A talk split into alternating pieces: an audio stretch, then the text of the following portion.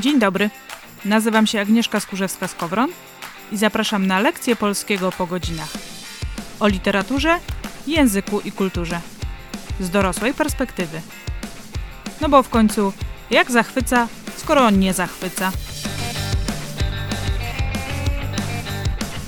Dzień dobry.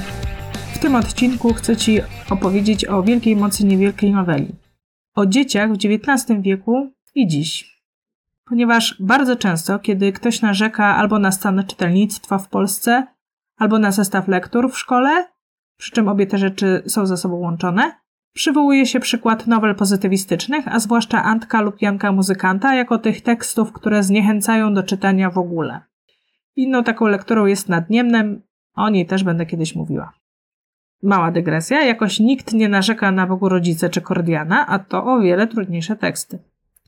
No i zaiste wielką moc mają owe nowele, które tak skutecznie zniechęcają do czytania, że potem ponad 50% społeczeństwa polskiego w dorosłym życiu nie bierze do ręki ani jednej książki. No zaiste. Co ciekawe, widziałam takie narzekania u osób, które działają w przestrzeni społecznej na rzecz osób wykluczonych, słabszych. I dlaczego to dla mnie takie istotne i dlaczego hmm, reaguję no gniewem, kiedy słyszę coś takiego? Bo kiedy spojrzy się na te krótkie formy prozatorskie bez czytelniczych uprzedzeń, a z ciekawością, to okaże się, że mają one wielką moc, ale w zupełnie innej przestrzeni. Na początek troszkę o współczesności. Co jakiś czas w prasie lub w księgarniach pojawiają się wstrząsające reportaże dotyczące dzieci. Są one wówczas szeroko omawiane, a problem, który podejmują, jest wałkowany na wszystkie strony. Bicie, przemoc psychiczna, wykluczenie, nierówne szanse edukacyjne, alternatywne leczenie, nieudane adopcje, nadopiekuńczy rodzice i wiele, wiele innych. W XIX wieku również pojawiały się takie reportaże, tylko że często w postaci właśnie małych form prozatorskich, czyli nowel i opowiadań, które ukazywały się w prasie codziennej. Jeśli więc na cieszące się złą sławą nowelki pozytywistyczne spojrzymy z tej perspektywy, okazuje się, że podejmują one bardzo ważne tematy, które niestety są aktualne po dziś dzień. Warto też wspomnieć, że w ogóle wiek XIX jest tym czasem, kiedy zaczęto uważnie przyglądać się dziecku i dostrzegać jego odrębne od dorosłych potrzeby. Ponieważ przez wieki w kulturze zachodniej dziecko uważano albo za małego dorosłego, albo nie uważano za pełnego człowieka. W obu podejściach dziecko porównywano do dojrzałej osoby. Im bardziej do niej podobne, tym lepsze. O autonomii dziecka jako takiego zaczęto mówić głośniej, kiedy Rousseau wydał Emila, powieść, w której pokazywał nowy model wychowawczy. Zanim pojawili się kolejni pedagodzy, i tak oto od XIX wieku wypróbowywano różne podejścia do dzieci. Wpływ na tę zmianę miało również spojrzenie na dzieci od strony naukowej. Coraz większy wpływ na wychowanie miało także państwo. Szkoła stawała się coraz powszechniejsza. Pomysły na to, jak wychować młodego człowieka na dorosłego, odpowiedzialnego członka społeczności, były oczywiście różne. Od tych surowych, zabraniających przytulać i nosić dziecko, bo się przyzwyczai i będzie rozwydrzone, po te, które kazały nie szczędzić dziecku czułości. Właśnie czułość rodziców, nawet matek, wobec dzieci wcale nie była w przeszłości czymś naturalnym. Mówię o cywilizacji zachodniej, a najwięcej z niej świadec zachowało się z warstw wyższych. Należy więc brać poprawkę na to, że nie mówię tu o ogólnoludzkim podejściu do dzieci. Natomiast gdyby w XIX wieku były takie sklepy, to temat dziecka w literaturze czy nauce znalazłby się na topce.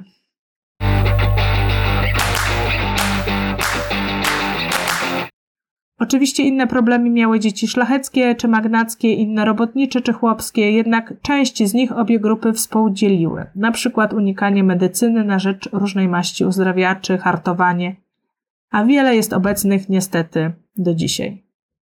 I pierwszym tematem, o którym chciałam powiedzieć, który możemy odnaleźć zarówno w nowelach pozytywistycznych, jak i dzisiaj, to altmed. Medycyna alternatywna to żadna nowość. Można wręcz powiedzieć, że starość. Do tej wiedzy starożytnej, przekazywanej z pokolenia na pokolenie, odwołują się jej zwolennicy.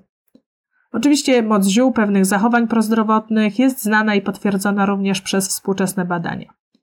Tak jak jednak w XIX wieku na wsi, a często i w mieście, tak i dziś wiara w to, że znachor albo znachorka skuteczniej wyleczy chorego niż lekarz, ma się dobrze. I o tym właśnie stanowi najbardziej znana scena z Antka Bolesława Prusa, czyli wsadzenie rozalki na trzy zdrowaśki do pieca. Y, swoją drogą trochę nie rozumiem, dlaczego dla niektórych była to taka trauma czytelnicza, biorąc pod uwagę dostępne już za moich czasów gry komputerowe czy filmy ze swoimi różnymi drastycznymi scenami. Wracając do Antka. Pierwsze sygnały magicznego myślenia mamy w tym tekście już na początku, kiedy mowa o drabinkach montowanych przy kominie, a które miały chronić przed uderzeniem pioruna i przed pożarem. I tutaj fragment tekstu. Drabiny te zaprowadzono nie od dawna, a ludzie myśleli, że one lepiej chronić będą chatę od ognia niż dawniej bocianie gniazda. To też, gdy płonął jaki budynek, dziwili się bardzo, ale go nie ratowali. Widać, że na tego gospodarza był dopust boski, mówili między sobą. Spalił się, choć miał przecie nową drabinę i choć zapłacił straf za starą. Co to były u niej połamane szczeble. W takim otoczeniu nie było nic dziwnego w tym, że w przypadku cięższej choroby, gdy zawodziły znane sposoby, wzywano Grzegorzową wielką znachorkę. Do siostry Antka też wezwano. Baba zaś, wykorzystawszy środki łagodne, sięgnęła po najcięższy oręż i kazała rozarkę wsadzić do pieca, co by gorąco chorobę wygoniło z ciała. Kiedy dziewczynka miała 8 lat, spaliła się, znachorka utrzymywała, że stało się tak, bo choroba zbyt szybko z dziecka wyszła. Nikt jej za to nie pociągnął do odpowiedzialności. Ot, kolejne dziecko we wsi zmarło. Gdyby rzecz działa się w dzisiejszych czasach, nagłówki gazet wołałyby jak zacofani rodzice spalili małą rozalkę. Albo znachorka skazana na 3,5 roku więzienia za spalenie dziecka. Znaczy, tu może prędzej na dożywocie. Gdyby. Tylko, że właśnie takie rzeczy dzieją się i na naszych oczach. I dotyczy to nie tylko wiejskich dzieci, ale i tych miastowych. Te dwa przykładowe tytuły to tak naprawdę parafraza artykułów sprzed kilku lat. Jak postępowi rodzice zagłodzili małą Madzie na śmierć. Trzy i pół roku więzienia za zagłodzenie i umieranie dziecka w męczarniach. To są tytuły artykułów dotyczących sprawy półrocznej dziewczynki, cierpiącej na alergię pokarmową, którą rodzice za poradą znachora karmili mlekiem kozim i rozwodnioną kaszką. Dziecko zmarło z niedożywienia. Przy czym rodzice to ludzie zamożni, troskliwi, wykształceni.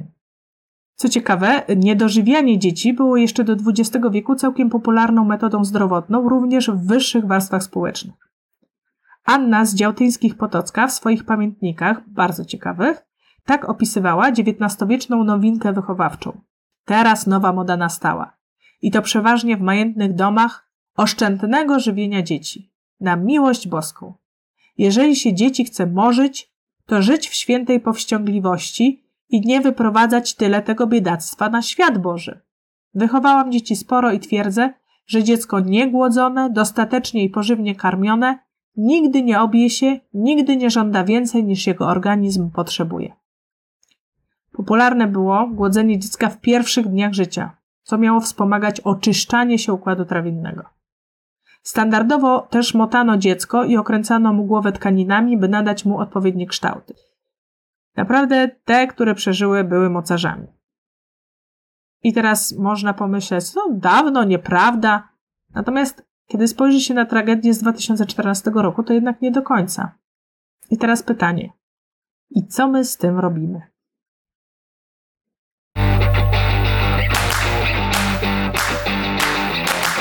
Innym tematem podejmowanym w nowelach pozytywistycznych, a który można odnieść do naszych współczesnych czasów, są nierówne szanse i wybór drogi. Choć wszyscy pamiętają z Antka tylko tę biedną rozalkę, to jednak to był akurat wątek poboczny, bo zarówno nowela Prusa, jak i Janko Muzykant Sienkiewicza mówią przede wszystkim o nierównych, a co za tym idzie straconych szansach wiejskich dzieci. Antek miał wybitne zdolności rzeźbiarskie, był bystry i szybko się uczył, a jednocześnie był całkowicie nieprzydatny w gospodarstwie, a nawet stawał się zawadą. Nauczyciel pozbył się go ze szkoły, bo matka nie miała pieniędzy, żeby płacić za syna. Teoretycznie szkoła była państwowa, bezpłatna, ale Belfer wyciągał jeszcze opłatę od rodziców. Kowal pozbył się go z kuźni, bo chłopak zbyt szybko, nawet niezbyt przyuczany do zawodu, opanował potrzebne umiejętności. Stawał się więc konkurencją. Szynkarz za bezcen kupował jego wyroby rzeźbiarskie, by potem sprzedawać je z dużym zyskiem. No i w końcu kum Andrzej namówił matkę i Antka, by chłopak wyruszył do miasta w poszukiwaniu pracy. Pragnienie Antka, by zostać młynarzem, jego nieprzeciętne umiejętności manualne, bystrość to wszystko okazało się mało ważne w obliczu tego, że był dzieckiem wiejskim, jego matka została wcześniej wdową, sytuacja materialna rodziny była bardzo trudna. I podobnie z Jankiem z utworu Sienkiewicza. Choć uzdolniony muzycznie, nie miał szans na rozwijanie swojego talentu z podobnych powodów co Antek. I teraz tak, pieśń przeszłości, skądże znowu? W 2019 roku UNICEF Polska opublikował raport, w którym czytamy innymi w Polsce zaledwie 39% dzieci rodziców o niskim statusie zawodowym deklaruje chęć dalszego kształcenia na poziomie wyższym. Wśród dzieci rodziców o wysokim statusie zawodowym ten odsetek wynosi 60%. Podkreśla UNICEF w raporcie Niesprawiedliwy start nierówności edukacyjne wśród dzieci w krajach wysoko rozwiniętych. Tak duża luka w oczekiwaniach młodych osób dotyczy jedynie Polski, stawiając nas na ostatnim miejscu wśród badanych krajów. Dzieci, które osiągają podobne wyniki w nauce, ale znajdują się w gorszej sytuacji społeczno-ekonomicznej, znacznie rzadziej deklarują chęć podjęcia kształcenia na poziomie wyższym. Nierówność ekonomiczna powoduje więc nierówność edukacyjną. Nierówności w statusie zawodowym rodziców przekładają się na nierówności edukacyjne wśród dzieci. Naprawa tej sytuacji to zadanie nie tylko dla systemu edukacji, ale także dla polityki społecznej i rodzinnej państwa. I takich Antków i Janków jest wśród polskich dzieci nadal bardzo wiele.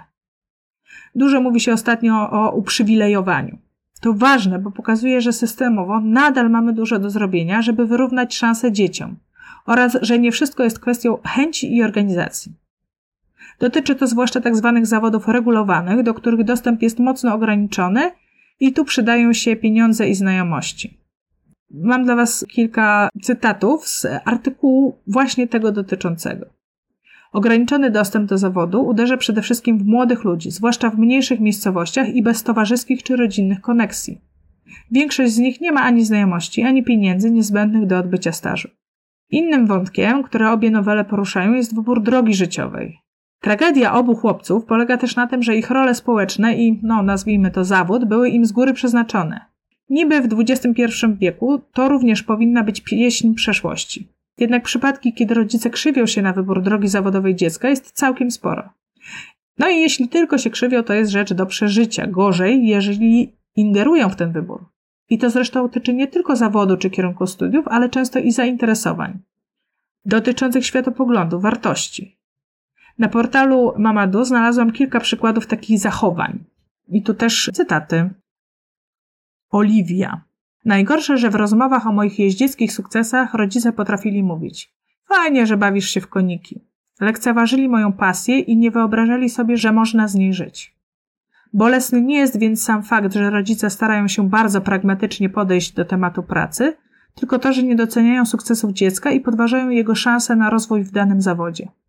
Czy żałuje decyzji, którą podjęła? Czasem tak, czasem nie. Teraz pracuje w redakcji, jest to więc praca biurowa, pewna, porządna, powiedzieliby jej rodzice. Najważniejsze jednak, że pisanie także było jednym z zainteresowań Oliwii. Bardzo lubię swoją pracę, bo jednak daje mi jako takie poczucie stabilizacji, a i tak mogę oddawać się swojej pasji. Oliwia ma swojego konia i nadal nie wyobraża sobie życia bez jeździectwa. Jednak czy kiedyś nie postanowię wrócić do realizacji swoich planów? Tego nie wiem, przyznaję.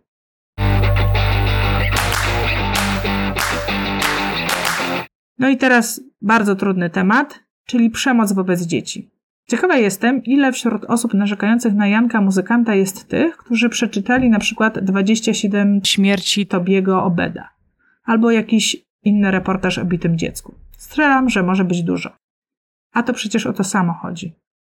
W kraju, w którym nadal 42% dorosłych, według sondażu SW Research dla serwisu Rzeczpospolita z 2019 roku, akceptuje stosowanie klapsów wobec dzieci, mówienie o przemocy wobec dzieci nigdy za wiele.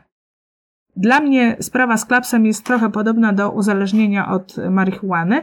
Jeden zapali sporadycznie i nic mu się nie zadzieje, inny od równie sporadycznego popalania przejdzie do uzależnienia lub za którymś razem coś w mózgu zadzieje się nie tak i zmiany będą nieodwracalne. Klaps zawsze zostawia ślad i dla jednych dzieci będą jednorazowym przykrym wspomnieniem, a dla innych stanie się codziennym koszmarem. Jedno dziecko będzie miało czerwoną pupę od mocnego uderzenia dłonią, dla innego klaps dłonią po jakimś czasie zmieni się w lanie pasem. Silniejszy to przeżyje, słabszy może nie. A im starsze dziecko, tym niegrzecznego zachowania więcej i stopień stosowania kary musi się adekwatnie zwiększać.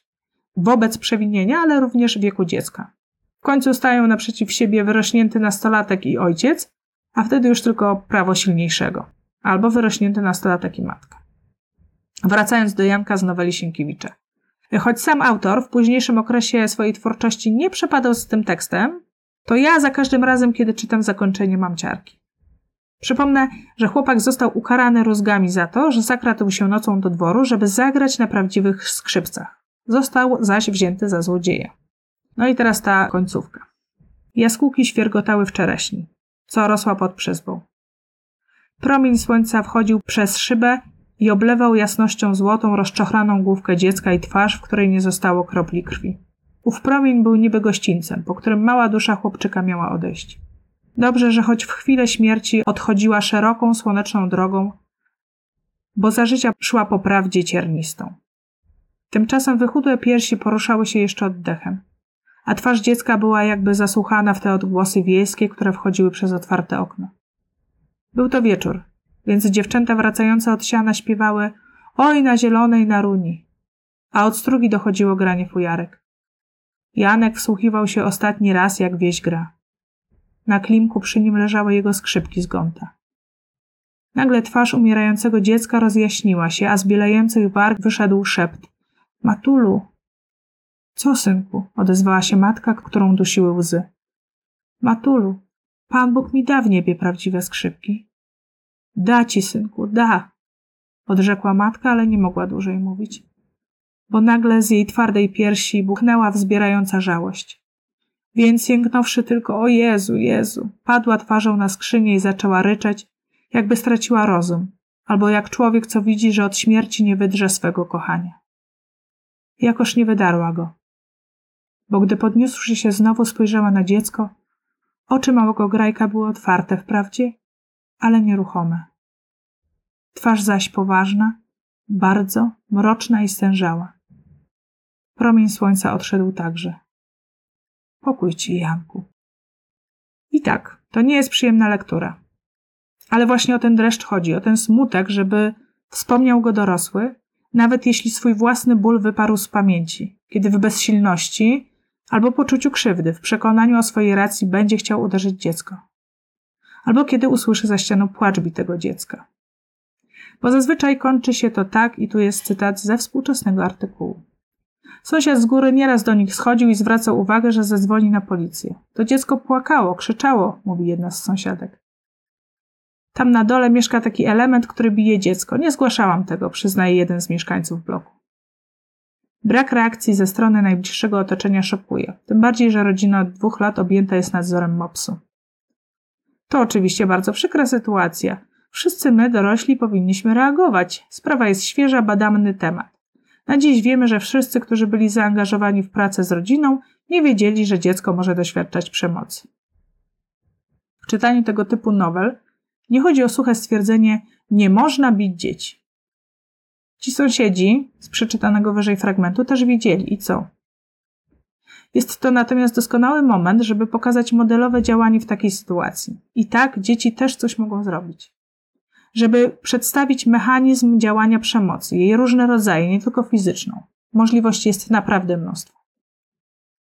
Tematów, które można poruszyć na podstawie nowel pozytywistycznych omawianych kiedyś w szkole jest bardzo dużo. Była jeszcze Dobra Pani Orzeszkowej, Nasza Szkapa Konopnickiej. Teraz ostał się już tylko Janko Muzykant i to chyba też jako lektura uzupełniająca. Natomiast warto po prostu spojrzeć na te teksty inaczej może z przekorą wobec szkolnej interpretacji, którą nam serwowano. Może zapoczątkujmy nowy trend. Mówienie o klasyce literatury pozytywnie i zwracanie uwagi na to, co te teksty mówią nam o współczesności i o nas samych. No, jeśli nic nie mówią, to raczej nie jest to klasyka.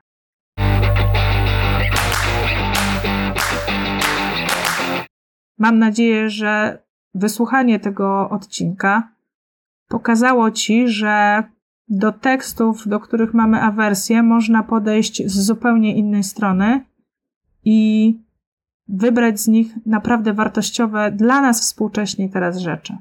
Zachęcam Cię do takiego właśnie czytania klasyki literatury polskiej. Zapraszam do następnego odcinka, w których opowiem o tym, jak internet wpłynął na czytanie, czy rzeczywiście wpłynął. Zachęcam Cię też do zaglądania do artykułów na stronę Wianki Słów i zaglądania również do mediów społecznościowych. A tymczasem mówię Ci do usłyszenia.